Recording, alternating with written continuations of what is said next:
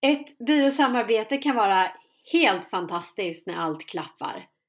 Men gå helt åt skogen om samarbetet fallerar. Vad krävs då för att allt ska gå bra? Vad kan du som kund göra? Det ska vi bena ut i dagens podd. Jag heter Maria Hagman och du lyssnar på Crescendos B2B-podd.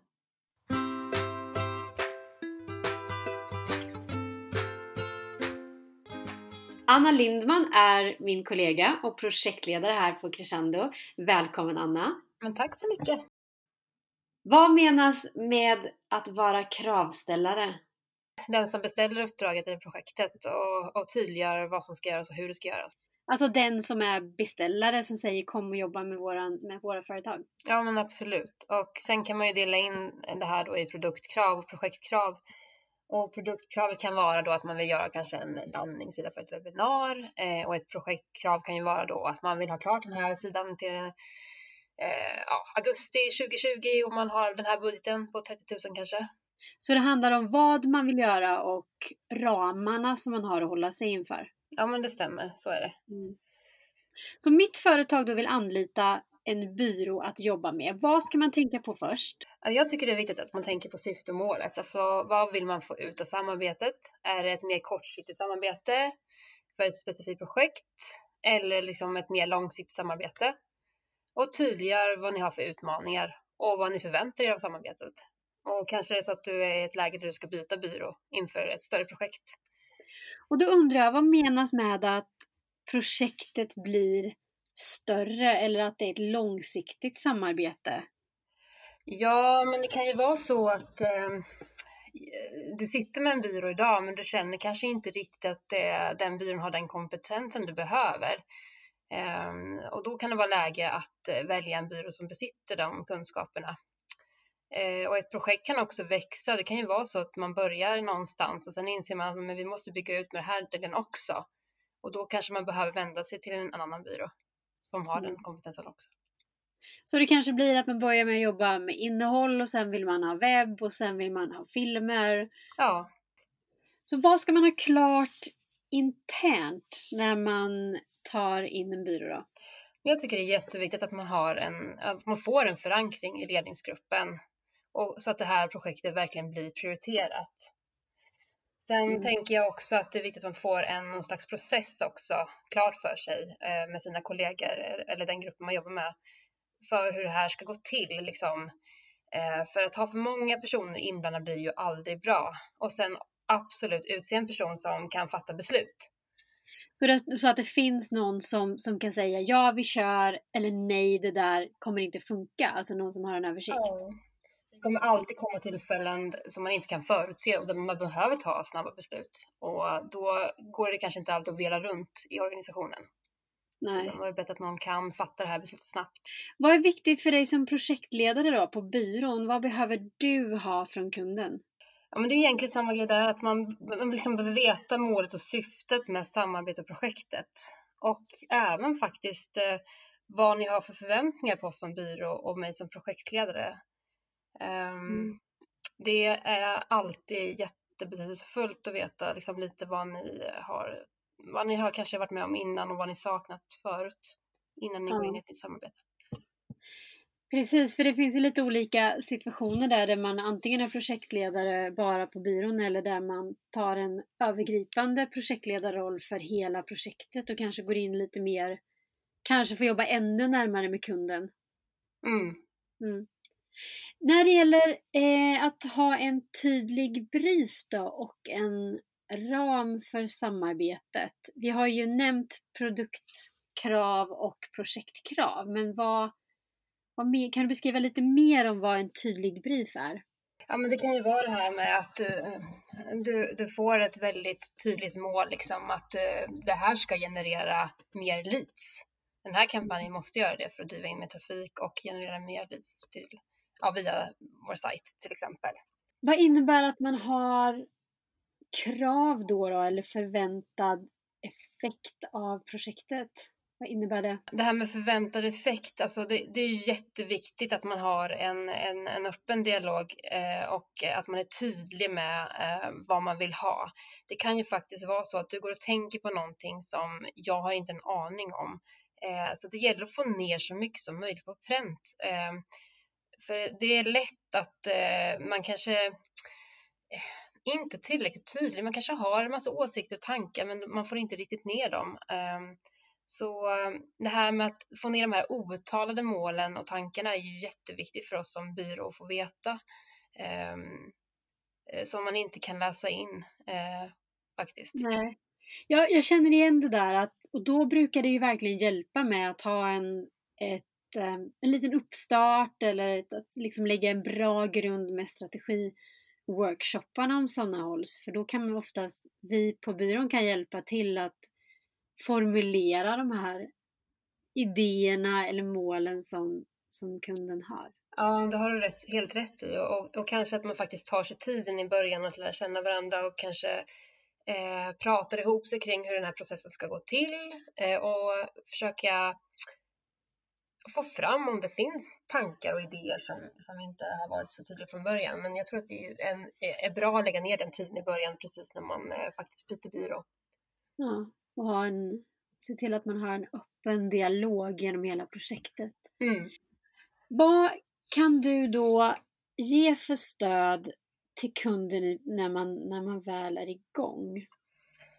Jag tror det handlar om att eh, att, att jag kan hjälpa till att tänka lite längre. Eh, eftersom man själv lätt blir hemmablind så kan jag komma in med mina ögon och se liksom, hur skulle vi kunna vinkla och vrida kommunikationen? Hur kan vi eh, kanske få till de här konverteringarna lite bättre på sidan? För det är väldigt lätt att man fastnar och blir hemmablind.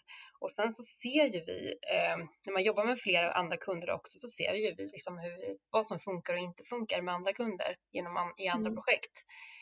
Och sen har man ju varit med om flera gånger liksom att eh, projekt fastnar liksom. Det kan ju vara så att det fastnar hos en nyckelperson internt och då kan det ibland faktiskt vara så att jag bara för att jag sitter externt kan komma in och säga ungefär samma sak. Ja. Vad menar du med att ett projekt fastnar? Ja, men det kan vara att eh, till exempel eh, vi ska hjälpa till att ta fram ett nytt budskap och eh, Ehm, det kan vara en nyckelperson som jobbar inom en funktion och så måste man förankra det hos den här personen. Du har själv kanske varit hos den här personen och, och presenterat tankarna, ungefär exakt samma tankar som vi har kommit fram till tillsammans. Men det, det, det, hjälper inte, du kommer inte fram, du når inte fram till den här personen. Och så kommer jag som mm. extern eh, part från byrån, eh, kanske med någon kollega, och säger samma saker, kanske med en annan twist. Och så går projektet vidare. Precis, man kan, vi kan också vara lite bollplank för hur man kan lösa vissa situationer. Ja, Eftersom vi ändå har den här fördelen att få hoppa in i så många olika företag och känner igen vissa situationer som kan uppstå. Precis. Och sen kan vi också hjälpa till med, eftersom vi sitter med så mycket, vi jobbar ju kontinuerligt i, i, de här, i det här kontentarbetet. Vi har ju processer och vi har verktyg för uppföljning så det blir väldigt naturligt för oss att självklart delar vi med oss av dem. Och det är ju också en fördel för dig som kund att, att få dem på plats. Liksom. Men då måste man ju lita på byrån. Ja. Eller hur? Att de, vet, att, de, att de vet vad de gör. Men det är väl, det är väl därför jag tänker man, man, tar, man väljer att samarbeta med en byrå för man inte kanske har viss kompetens inom ett område eller att man inte faktiskt har, har tiden mm. och göra det. Och har man inte kompetensen så måste man ju kunna ha en öppen dialog och lita på byrån. Det ska funka i relationen precis som alla andra samarbeten. Det ska kännas bra. Mm. Och ju mer transparent och ärlig du kan vara med varandra, desto bättre blir ju samarbetet och desto mer eh, kan ju vi hjälpa till också. För om du är öppen mot oss, då ser ju vi vilka delar du behöver mer hjälp med. Så det är både den här kompetensmässiga men också den här relationsbiten som är superviktig. Ja. Faktiskt. Som du har sagt en gång att man vandrar i projektet tillsammans. Mm. Mm, det tycker jag låter bra. Men trots det eh, så, så kan det ju ske lite misstag eller saker som, som av olika anledningar händer. Eh, mm. Vi har nämnt att det kan vara ett problem att projektet inte är förankrat hos ledningsgruppen eller hos nyckelpersoner i organisationen. Hur gör man för att, eh, hur gör man för att undvika det? Um, ja, är inte projektet förankrat så blir det ju väldigt svårt för det är ju jätteviktigt att um, med förankringen det innebär ju att du liksom automatiskt får hjälp med um, både resurser och med pengar. Uh, så att jag skulle nog säga så här, är det så att du inte har med dig ledningsgruppen bara, då behöver du nog ta ett varv till. För alla måste ju vara med på båten för att uh, driva igenom eh, bra projekt. Det tror jag det är jätteviktigt. Jag tänker att det är viktigt att ett byråsamarbete inte bara blir marknadschefens hobbyprojekt. För, ja. för man behöver ju oftast ha hjälp kanske från IT med vissa ändringar och om inte arbetet, om inte, om inte projektet är förankrat så kanske det är svårt att lösgöra resurser där för att få igenom det man vill göra. Ja men precis. Mm. Helt, helt rätt. Sen har vi det här som, som jag tycker också är väldigt viktigt när, det, när förväntningarna är otydliga, när man kanske har en bristfällig brief. Uh, hur kan man undvika de problemen? Jag tror det är jätteviktigt att man har eh, regelbundna avstämningar. Ehm, så kanske man också, även om briefen är bristfällig, så kan du ju undvika ändå att projektet leder åt fel håll. Men har du en bristfällig brief, det är klart att då, då får du ju lättare en, en, en, alltså en produkt eller tjänst som inte är vad du förväntar dig helt enkelt. Mm. Men det händer ju att projekt växer. Är inte det en bra naturlig följd av ett samarbete? Att man blir inspirerad av att göra mer? Är det ja, men... då man ska sätta sig ner och göra en ny brief? Absolut, det tror jag. Ehm, det är ju fantastiskt om ett, om ett samarbete växer och projektet växer, men jag tror man behöver göra ett avstamp då där man står. Okej, okay, nu har vi faktiskt, nu går vi tillbaka till det vi har sagt vi ska göra. Nu har vi uppfyllt det och nu vill vi också göra den här delen. Då får man göra, alltså göra ett nytt projekt helt enkelt. Det är mm. nya resurser och en ny budget som gäller.